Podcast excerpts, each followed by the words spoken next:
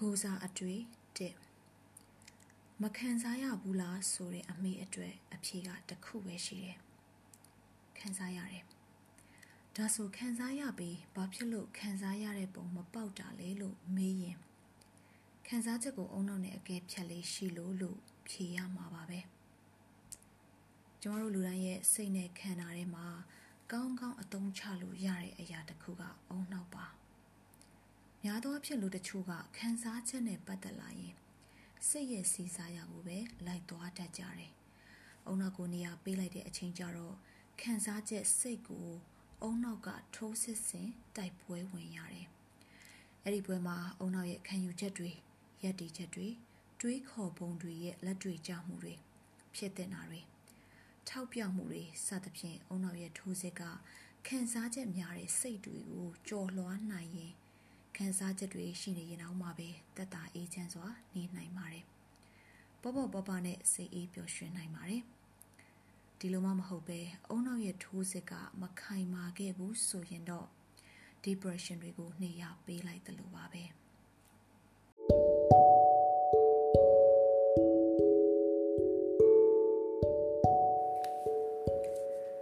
တကူစားအတွေ့နဲ့ တစုံတစ်ခုကိုရင်ဆိုင်ရမယ်ဆိုတာနဲ့နေကခံနိုင်ရရှိတာကိုနေကခံနိုင်ရရှိရင်တော့လို့အမြဲပြောခံရဘူးတဲ့ခံနိုင်ရရှိဖို့ဆိုတာကခံနိုင်ရမရှိတဲ့ကာလတွေကိုအယုတ်ကျိုးပြတ်လေးကြရာကနေမရရအောင်အချင်းချင်းပြန်ထားခဲ့ရလို့ပြန်ထားရခဲ့လို့ပြန်ထားဖို့တတ်တည်ရှိခဲ့လို့သာဖြစ်ပါတယ်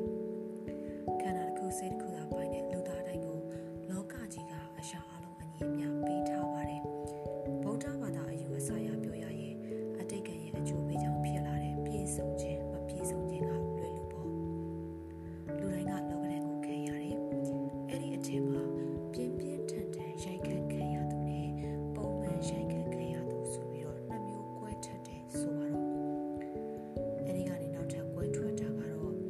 ဖြစ်လာသမျှကိုအကောင့်ဘက်ကရအောင်တွေးပြီးစူးစမ်းရင်ဆိုင်ဖြည့်ရှင်းသူနဲ့လောကဓာတ်ကငါ့ကိုမှရိုက်ခတ်ရသလားဆိုပြီးလောကဓာတ်နဲ့ပတ်ဝန်းကျင်ကိုအပြစ်တင်တဲ့သူနှစ်မျိုးကွဲထွက်ပါတယ်ကျမတို့ဘယ်လိုလူမျိုးဖြစ်ချင်တယ်လဲဆိုတာကျမတို့နဲ့သာဆိုင်ပါတယ်တေးကြတာကအပြစ်မတင်တတ်ဘဲကြုံရတာတွေကိုသင်ခန်းစာယူတတ်သူသာဖြစ်ခဲ့ရင်တေးကြပေါက်ခံနိုင်ရရှိပါပြီခံနိုင်ရရှိဖို့ဆိုတာကဝေးရပါမဟုတ်ပါဘူး ကိုယ့်ရဲ့စူးစမ်းအားထုတ်မှုနဲ့ယုံထ